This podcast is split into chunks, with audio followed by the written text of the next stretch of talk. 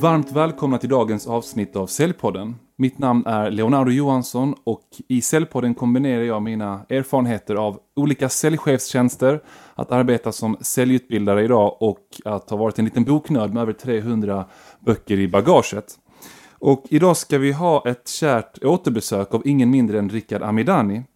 Och vårt tidigare avsnitt om hur man bemästrar LinkedIn och säljer på LinkedIn blev superpoppis. Så att eh, vi är taggade på att ha dig tillbaka Rickard. Kul, stort tack. Och idag ska vi prata om ett område som vi båda eh, brinner för, nämligen säljverktyg. Alltså olika typer av tekniska lösningar eller program. Vissa som är gratis, andra som kostar lite pengar. Som kan göra att säljare säljer ännu mer. Och under de senaste åren har du ofta varit den som har varit, vad ska jag kalla det för, en initiativtagare till de nya verktyg jag har testat på. Så att det är därför jag ville bolla det här med dig idag Rickard. Och för er som inte känner Rickard så är han idag marknadschef på trade-segmentet på miljardföretaget Solar Sverige.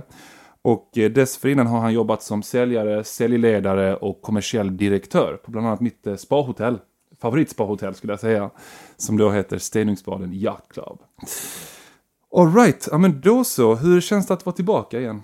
Det är väldigt, väldigt roligt. Eh, det var otroligt kul första gången. Så jag hoppas väl att det ska vara lika bra, än, ännu bättre den här gången. Så att, eh, eh jag är spänd att prata säljverktyg. Eh, det är som, lite som du säger, man är ju själv en, en, eh, en nörd när det kommer till att hitta de här nya verktygen, nya möjligheterna till att någonstans vara effektiv och ja, men det ska bli roligt. Det ska bli riktigt kul. Och vi kommer ju prata om allt ifrån prospekteringsverktyg mm. till olika CRM-verktyg som vi har testat på som vi tycker om till signerings, e-signeringsverktyg men även andra saker som jag inte tror att många känner till som transkriberingsverktyg, alltså ett verktyg som via AI analyserar dina samtal och möten och ger dig insikter i hur du kan göra saker ännu bättre. Så att det kommer vara vissa saker som ni inte alls känner till och andra saker som de flesta bör känna till, som till exempel CRM-system.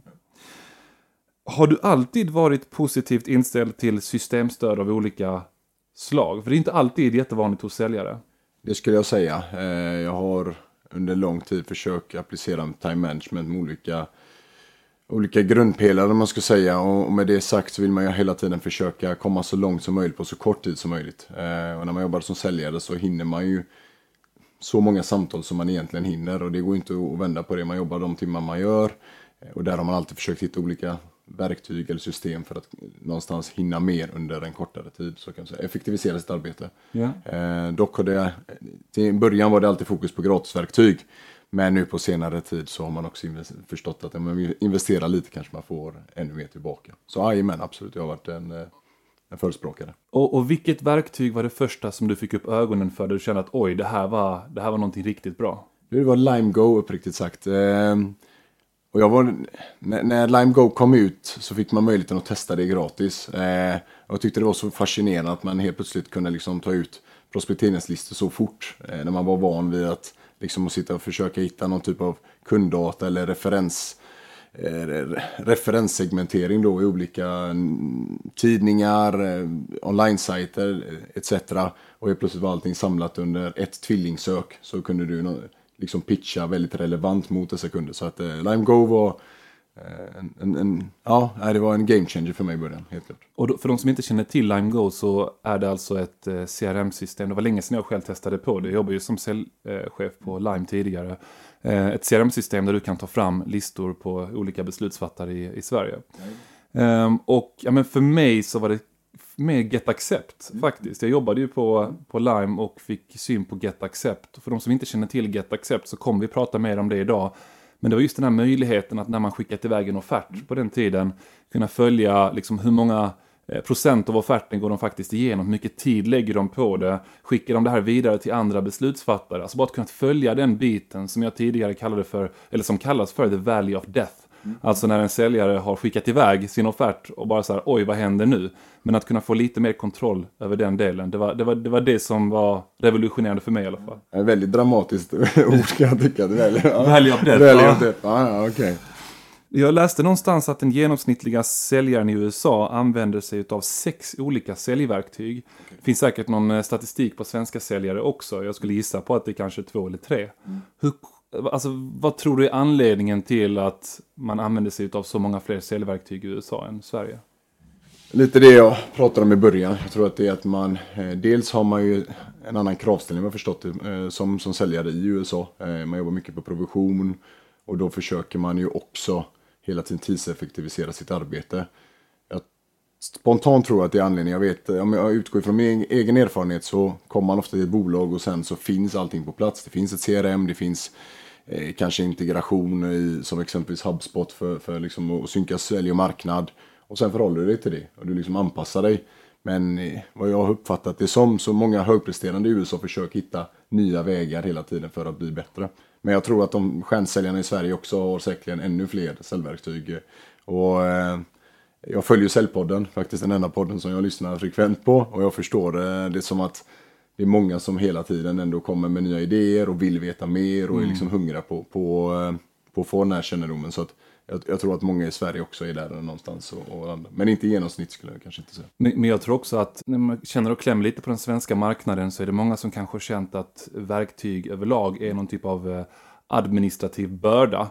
Uh, och jag var på ett event med ProSales. De som inte känner till ProSales är det ett företag som forskar på svenska, eh, svenska säljbolag och liknande. Jag tror att de är en del av Mercury International nu.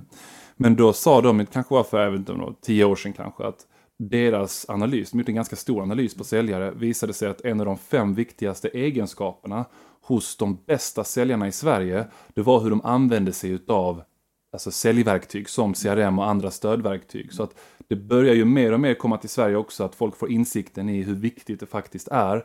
Eh, speciellt på en sån här föränderlig marknad. Då måste även det gamla gardet eh, eh, anpassa sig.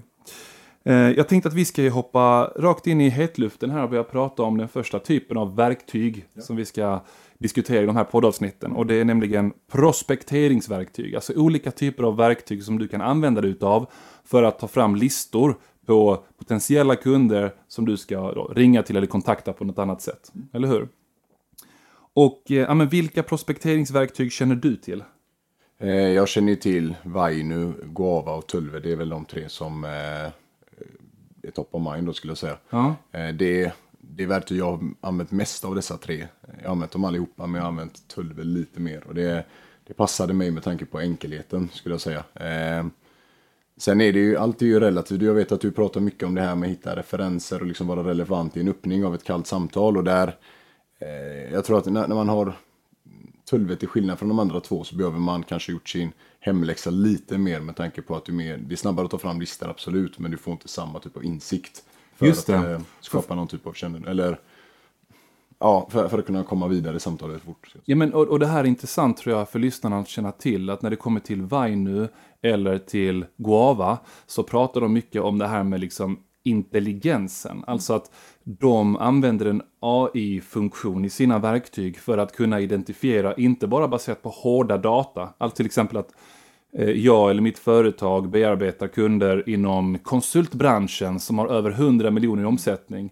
Alltså det kan de flesta verktyg ta fram, även LimeGo och liknande. Men det som då ska särskilja Vino och Guava är att de ska ta fram olika typer av insikter. Till exempel så skannar de av hemsidor och så står det någonting om att jo, men de har precis öppnat upp ett nytt kontor i, i Helsingfors ja, men, ge mig en lista på alla företag över 100 miljoner i omsättning som, har, som nyligen har öppnat upp ett kontor i Helsingfors.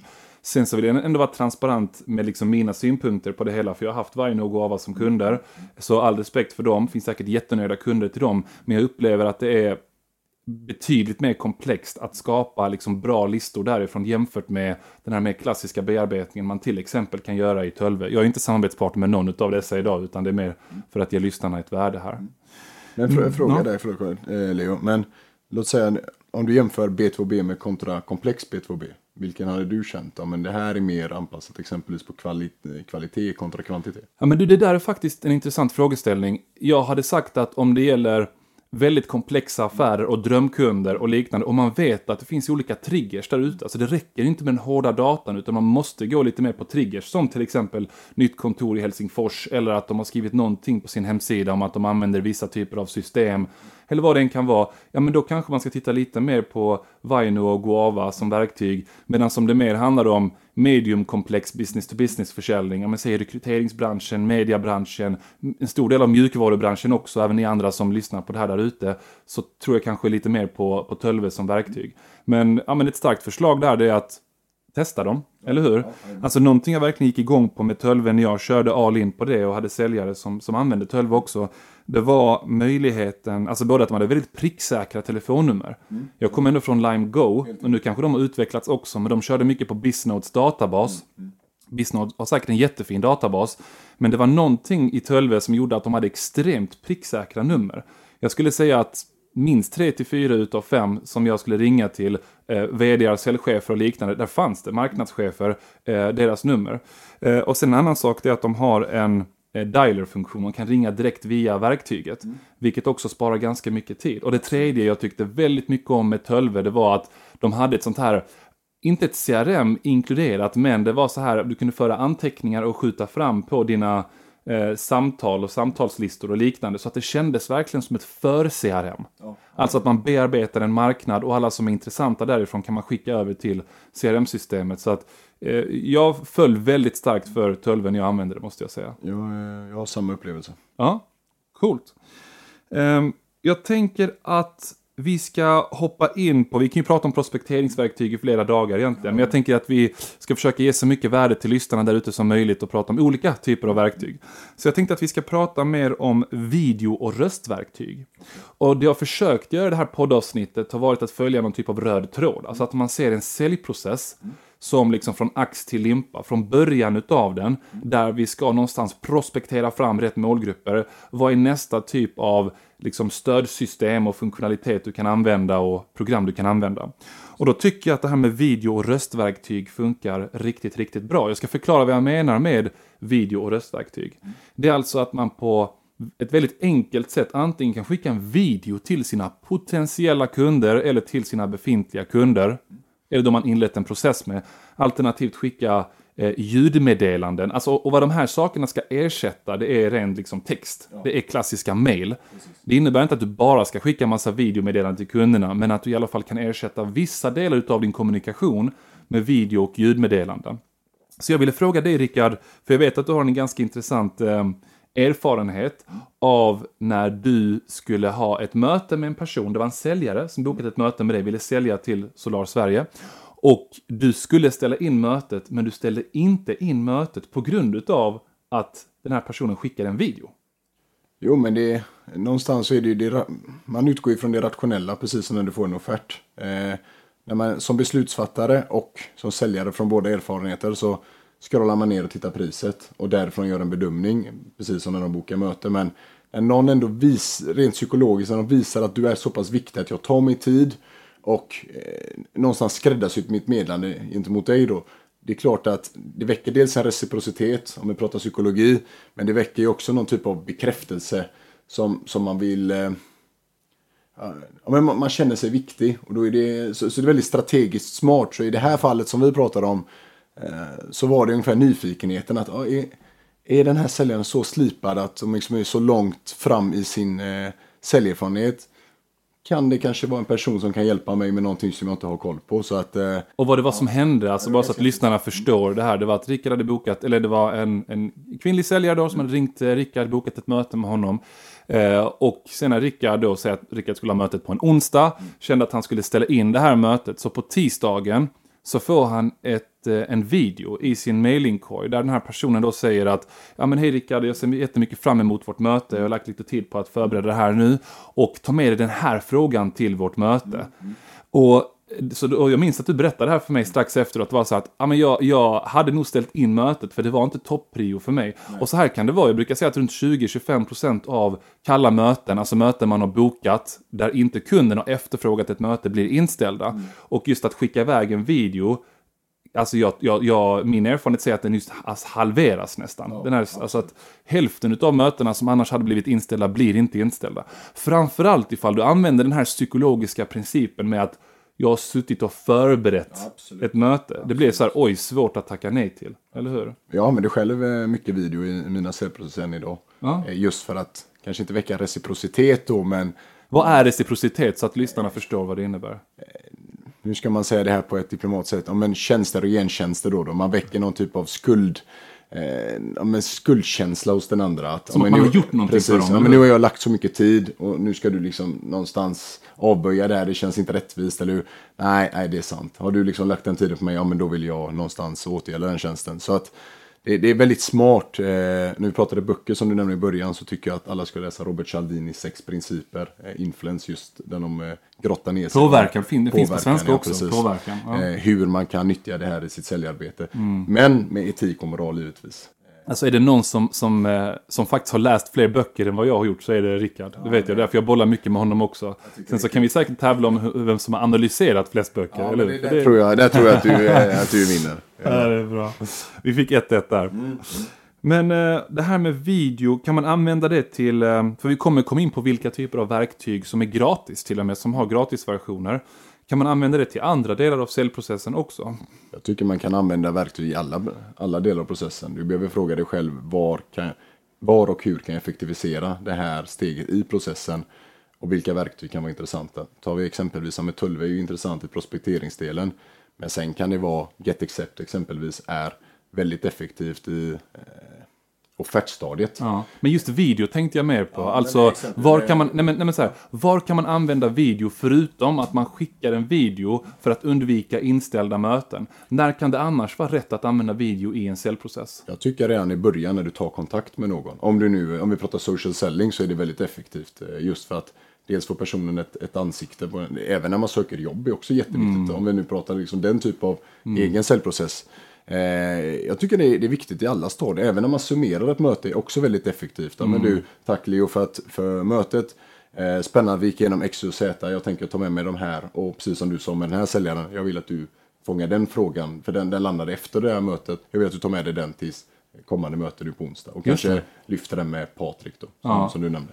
För jag, jag jobbade med ett företag som heter iGo Moon i Stockholm och de jobbar ju väl med marknadsföring och eh, konsulttjänster inom just digital marknadsföring och liknande.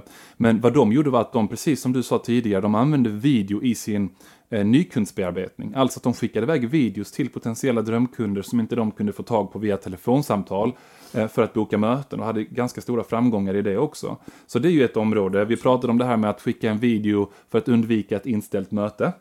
Eh, för mig så har också favoriten, alltså nästan det viktigaste användningsområdet skulle jag säga, varit att när jag bearbetar en kund där jag inte får lov eh, att bearbeta alla beslutsfattare hos kunden. Jag vet att jag pratar med en regional säljchef eller en säljchef och jag vet att det är en övergripande säljchef eller vd som fattar beslutet. Men av någon anledning så lyckas jag inte komma igenom och få ett möte med alla beslutsfattare. Då är det ju mycket bättre för mig att jag skickat iväg en video och den kan vara på en minut bara som sammanfattar de viktigaste delarna utav mitt erbjudande så de inte tar ställning till en prisbild utan tar ställning till en människa istället.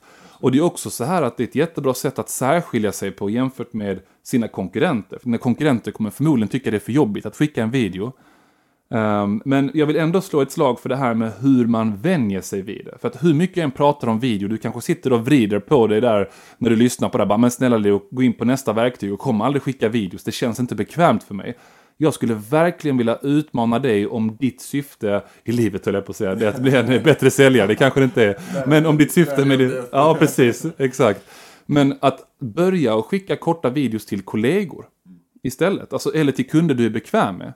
Och, och vilka verktyg kan man använda sig utav? Om du nämner ett par som du vet har någon gratis eh, variant. Jag vill bara att vi bromsar och, Ja. och lyfter en del till i, i varför man ska använda video eller träna på det. Eh, Jag vet att du är bra mycket bekvämare och bättre än vad jag är. Men eh, det är också att i min erfarenhet när man skickar en video till ledningsgrupper eller många beslutsfattare så kan du också följa i tracking och se vem av dem har sett hela videon. Och på så sätt kan du i framkant veta att ja, men Anna-Lisa då, hon har sett 100% av den här videon.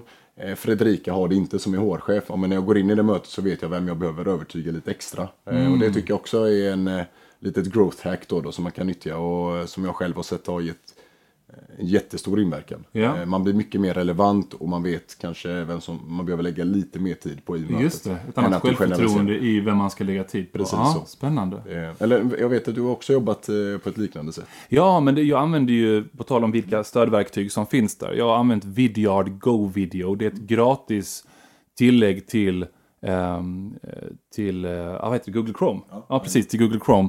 Och ja, det har funkat jättebra för mig och då kan man precis som du säger se om jag skickar en separat video till varje person i till exempel en ledningsgrupp som ska vara med på ett möte så kan jag se vem har sett videon, hur många procent och liknande. Så det har också varit värdefullt för mig. Men förutom Vidyard Go-video, ni som inte kommer ihåg eller kan skriva ner eller svårt att stava de här namnen kanske, skriv till mig eller Rickard på LinkedIn. Jag har då Leonardo Johansson på LinkedIn och Rickard heter Rickard Amidani. Så det är svårt att stava fel där också. Så kan vi skicka en lista Lättare på de här. än är det. Amidani. Ja, just det, Amidani. Ja. Men Vidyard Go Video har jag använt mig av. Gratisverktyg. Och jag ska säga det här också att det skickas alltså ingen fil till kunderna, utan det skickas en länk likt en liksom, YouTube-sida.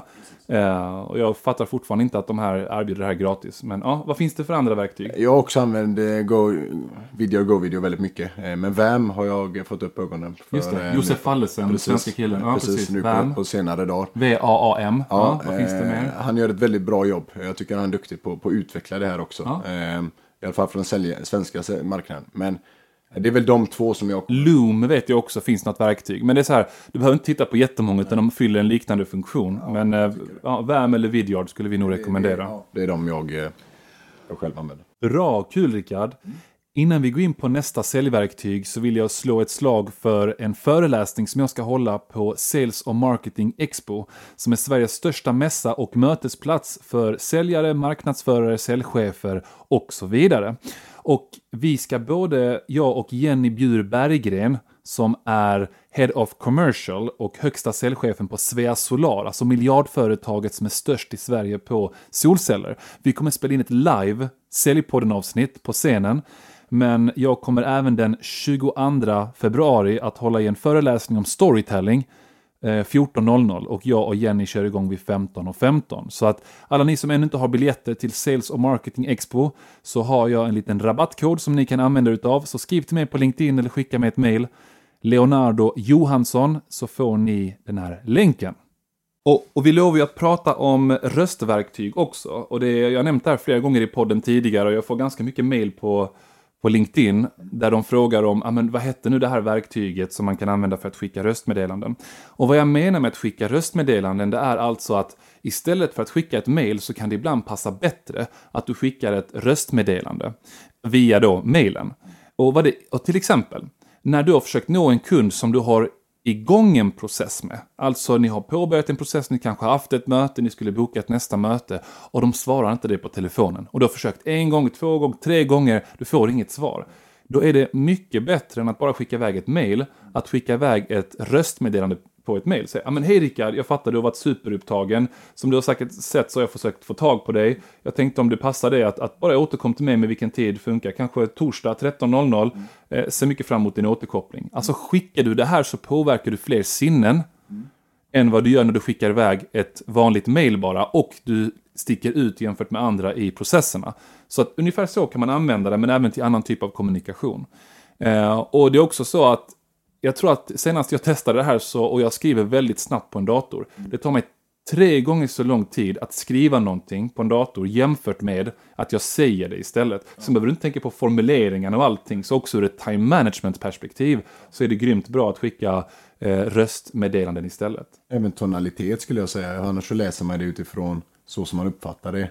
Eh, och när man hör liksom leendet och det här goda energin bakom så, så som du sa, man väcker andra sinnen än bara det klassiska, nu ska han sälja något till mig. Och så Ja. känner man lite halvanti. Ja, ja, men, Exakt. Nej, jag tycker det är klokt.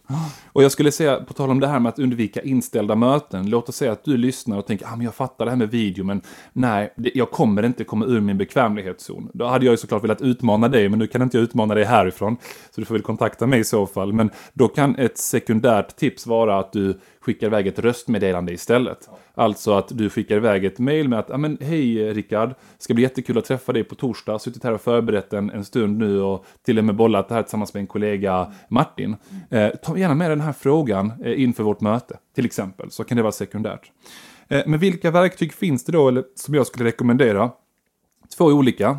Och det, ett av dem, eh, Vocal, heter det. V-O-C-A-L. Ska funka med Office 365 också.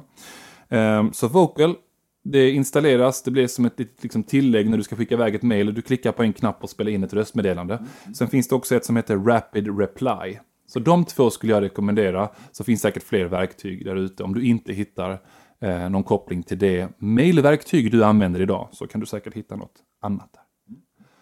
Bra, högt tempo här, mycket som eh, vi har att gå igenom. Ehm, och jag tänker att vi ska hoppa in på det tyngsta av områden, nämligen CRM, Customer Relationship Management System, som det så fint heter. Och nu, nu är jag rätt säker på att de flesta där ute som lyssnar på det här vet vad ett CRM-system är. Men det finns fortfarande företag som arbetar i Excel-listor eller i sina affärssystem med eh, kundvård och säljstöd, vilket jag tycker är helt eh, tokigt eh, hos de flesta företag i alla fall. Omodernt. Omodernt, okej okay, jag säger tokigt, du säger omodernt. Eh, och jag var tidigare regional säljchef för Sveriges största CRM-leverantör, åtminstone på den tiden, som då hette Lime Technologies. Hette då Lunda Logik på den tiden. Eh, och så att jag brinner verkligen för det här. Men jag tänkte fråga dig, Rickard, hur många olika CRM-system har du använt under din karriär och kan du nämna ett par utav dem? Oj. Eh, ja, jag kan nämna ett par, men hur många exakt vågar jag inte svara på. Men jag har ju använt eh, Sales, eh, Salesforce, eh, LimeGo som vi pratar om, Pipedrive eh, som jag tycker mycket om. Eh, jag har använt Upsales tror jag också att du har använt. På ett, eller, ja, nej, faktiskt inte. Nej? Eh, men jag har hört mycket gott om det. Mm. Eh, Get Accept, om man ska räkna det som ett... Ja, men det som är det roliga med Get Accept, att de går ju mer och mer mot att man till och med kan hålla koll på sin pipeline där och liknande. Så att jag skulle inte säga att det där är ett CRM-system, för du kan ju inte registrera vad du har sagt, gjort och lovat Nej. till en kund. Men det, det absolut håller på att ta över, eller komplettera, många delar av ett eh, CRM. Men alltså de, och de CRM-systemen vi kort kommer prata om idag, det är ju en, en lång lista här egentligen, och jag kommer berätta om eh, det jag tycker är det bästa med dem, som jag har testat på, och vad jag har hört om de andra jag ännu inte har testat på. Så får du jättegärna berätta om dina erfarenheter också. Men det är då Lime CRM, okej okay, det är Upsales, svenskt CRM-system också, Membrane, okej, okay. eh, Pipedrive, det är HubSpot, Salesforce och så är det Microsoft Dynamics CRM. Och jag tänker att jag börjar lite grann utifrån den, alltså för att när jag jobbade som regional säljchef på Lime, då lärde man ju känna många av de här CRM-systemen. Och sen så du, du och jag har gjort lite research inför det här eh, poddavsnittet också, för att se vad som särskiljer de här från andra idag. Så jag tänkte börja liksom med ett par meningar om vad min uppfattning, min uppfattning, alltså min åsikt, inte själva sanningen här, bara så att alla är medvetna om det. Så att inte någon sitter där och är superarg för att inte jag säger att Microsoft är världens bästa CRM-system. Liksom. Okej, det här är min uppfattning, så får du gärna komplettera det här efter att jag har eh, kört klart den här listan. Lime CRM. Nu har jag sett att de har utvecklat det här ganska mycket i gränssnittet, men tidigare så var det så att Lime CRM, det var så här kanske inte världens snyggaste gränssnitt, men väldigt eh, användarvänligt i form av att det liknade ganska mycket så Excel och hade jättebra Office-integrationer och liknande. Och så har Lime alltid varit extremt flexibelt, alltså att man kan anpassa det. Så en av de största kunderna vi arbetade med på Lime, det var fastighetsbranschen. Och där måste man skapa massa olika objekt i CRM-systemet som gör det väldigt så här komplext eh, också. Så att väldigt anpassningsbart utan att det är för tungt konsultingmässigt. Eh, och idag, som sagt, jag kollade upp det här senast för någon dag sedan och de har ett jättesnyggt gränssnitt, eh, gränssnitt nu. Så det vore spännande att testa på det här igen. Men just där flexibiliteten har varit deras starkaste sida. Upsales har ju konkurrerat jättemycket med när jag var på Lime. Den största styrkan i Upsales har varit att de kombinerar sälj och marknad. Till exempel de som kör lite olika event eller e-postkampanjer och liknande. Då kan man direkt i CRM göra till exempel ringlistor baserat på alla som har klickat på vissa länkar i ett e-postutskick. Eller alla uppgifter vi har sparat via ett event vi har haft, då kan vi ringa upp dem. Så att jag verkligen tyckte om den funktionaliteten i Upsales, att mm. kunna kombinera de bitarna. Sen har jag helt ärligt tyckt att historiskt sett, med det gränssnitt Lime har haft, så har Upsales varit en lite vassare leverantör sett till de organisationer som ska använda det här som ett renodlat CRM och säljstödsverktyg. Alltså tänk typ 10 hungriga säljare ska ta över marknaden. Då hade jag i alla fall historiskt sett valt Upsales framför Lime. Ehm, men eh, nu har ju Lime utvecklat sitt gränssnitt en hel del. Membrane, det här är faktiskt mitt eh, favoritverktyg.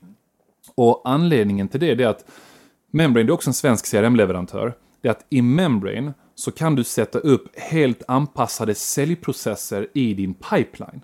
Vad jag menar med det är att alla CRM-system har ju möjligheten att så här, okej, okay, Rickard Amidani, du är en försäljningschef. Jag heter då Leonardo Johansson, ska sälja in mina säljutbildningar till dig. Alltså alla CRM-system kan stödja funktionen med att jag lägger upp en affärsmöjlighet, business opportunity, och kan följa vilket stadie är denna är, eh, vilket stadie är denna i just nu. Till exempel, är jag i ett första möte, är jag i offertstadiet eller var är jag någonstans? Mm. Men Membrane tar det här till en helt annan nivå. Kopplat till varje stadie du har i ditt CRM-system så kan du lägga in checklistor, till och med videos med tips, alltså säljtips om där du är i processen eh, och mycket, mycket annat, vilket gör att det blir nästan som din digitala säljcoach, brukar jag säga. Eh, sen finns det också lite nackdelar med Membrane som jag kommer komma in på om en liten stund. Men nu tänkte jag mer introducera dem, varför jag gått igång på det som tusan. Mm. Och det handlar ju också om att jag vet att om man glömmer bort en liten, liten del i cellprocessen um, så kan alltså hela hitraten försämras på grund av det. Och det ser man till att undvika om man hjälper då, eller man använder eh, Membrane. Pipedrive, jag använde Pipedrive innan jag använde Membrane. Jag vet att det här är ett av dina favoritverktyg. Jag tycker att det är sjukt bra. Väldigt användarvänligt och enkelt, intuitivt, billigt. Ingen lång bindningstid. Det funkar superbra för, jag skulle säga mindre säljteam kanske framförallt. Nu får du kanske utmana mig kring det, för jag vet att det finns större säljteam som använder sig av det också. Men det är i alla fall mina two cents på Pipedrive. Har tyvärr ingen marknadsfunktion i Pipedrive och inte i Membrane heller. Nej, Pipedrive, lite som du är inne på, den kanske inte passar eh, organisationer som jobbar också mot komplex business to business, utan lite högre aktivitet, eh, kortare säljprocesser. Ja, men det är egentligen, precis som vi pratar om, ett, ett CRM eller säljstöd mm. är precis det. Det och ingenting mer. Just det. Eh, och det, det är billigt. Ja. Och det är väldigt lätt att lära sig. Mm. Eh, så ja, det, det, har varit uppskattat. Det, ja. det är inte så komplext. Nej. Men what you see is what you get också. Ja men exakt, så är det verkligen. Nästa är då HubSpot, mm. som också är ett superpopulärt CRM-verktyg. Eh, det som är den största fördelen med HubSpot, förutom att det också är användarvänligt och har sådana här funktioner som att man, eh, att man kan spela in sina samtal via HubSpot. Du behöver inget liksom, annat verktyg för det, vilket är bra för samtalsanalyser och liknande. Men det som särskiljer HubSpot från många andra det är att de har allt ifrån marknadsföring till försäljning, kundservice och så vidare. Lime har det också. Eh, och även Microsoft Dynamics och Salesforce. Men eh, just när det kommer till HubSpot så, så är de väldigt stolta över det. det. Nackdelen jag har sett med HubSpot tidigare i alla fall har varit att CRM-verktyget är ganska billigt.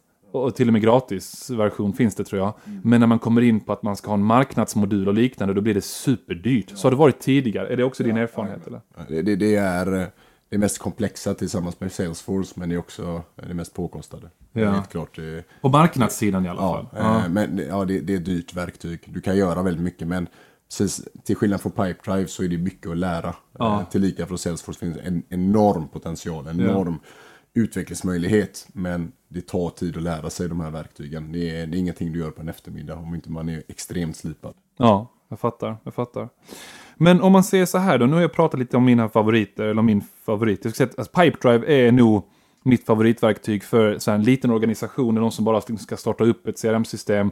Medan Membrane är min favoritverktyg när det kommer till liksom, komplex försäljning. Jag kan bara berätta en, en kort story, när jag, för jag själv jag använder Membrane idag. Och när jag gjorde en analys på men hur kommer det sig att jag tappat ett par procentenheter, typ 7 procentenheter, vilket var ganska mycket i min hitrate under det senaste halvåret. Mm. Eh, och när jag analyserade det här via Membrane så såg jag det var för att jag hade slarvat med en av de viktigaste punkterna. Alltså jag hade inte använt Membrane som det skulle, eh, som, jag, som jag borde ha gjort.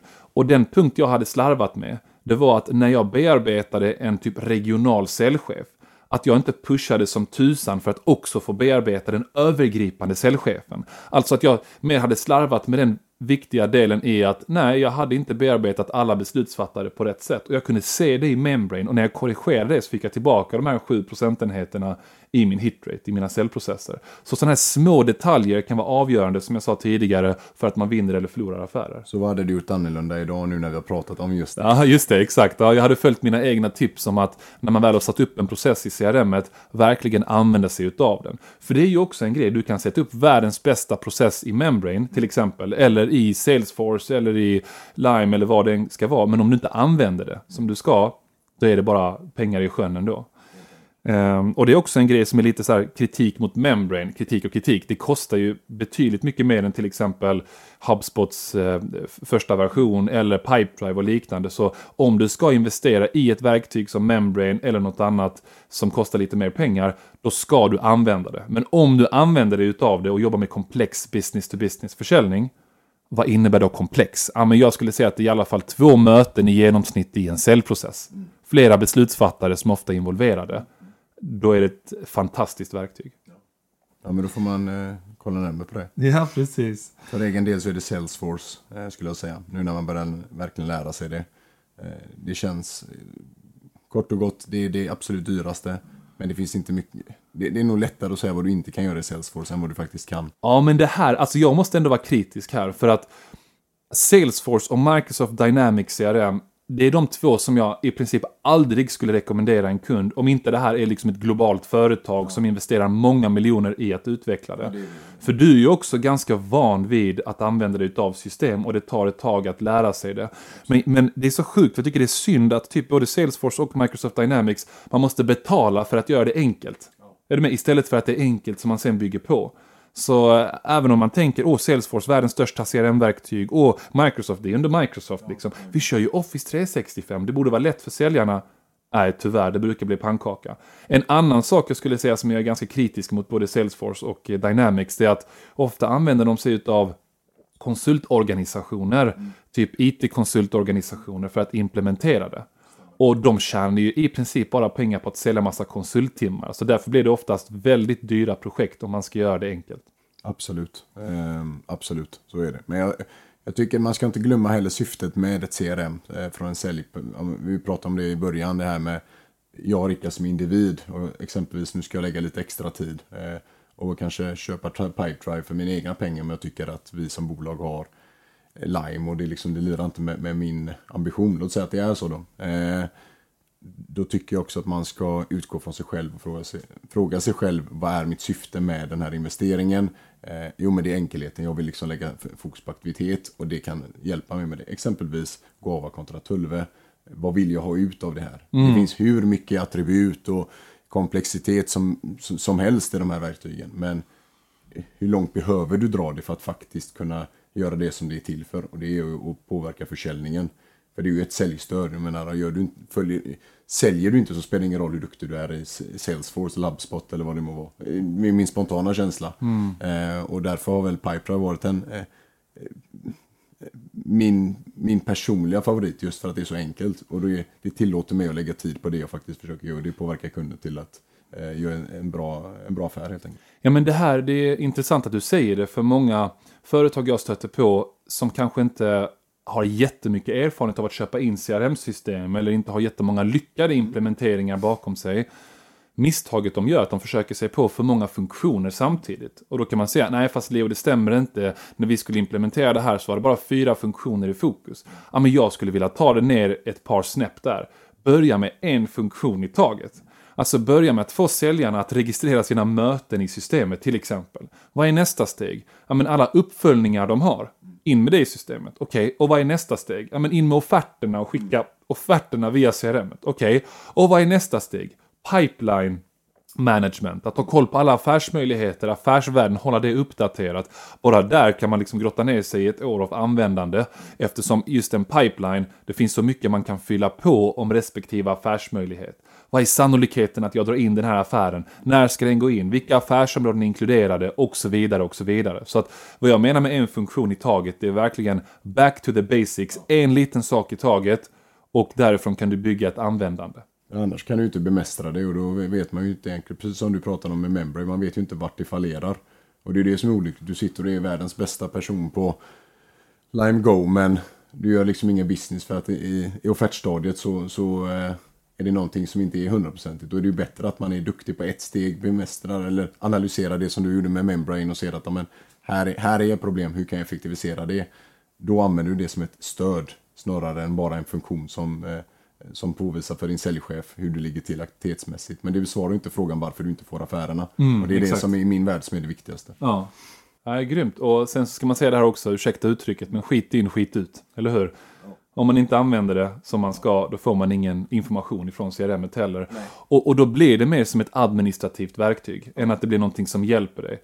För det som är så sjukt med många av de här verktygen, jag vet att Pipedrive har den funktionaliteten, Membrane, eh, man kan bygga rapporter i Lime också. Men det är att om man verkligen fyller i det viktigaste så kan systemet ge dig insikter. Till exempel finns en funktion i både Membrane och Pipedrive som kan analysera, vad, eller framförallt i Membrane, liksom, vad har du gjort rätt och fel i en cellprocess genom ett knapptryck och då ge dig insikter och tips på vad du ska göra annorlunda i andra cellprocesser framåt.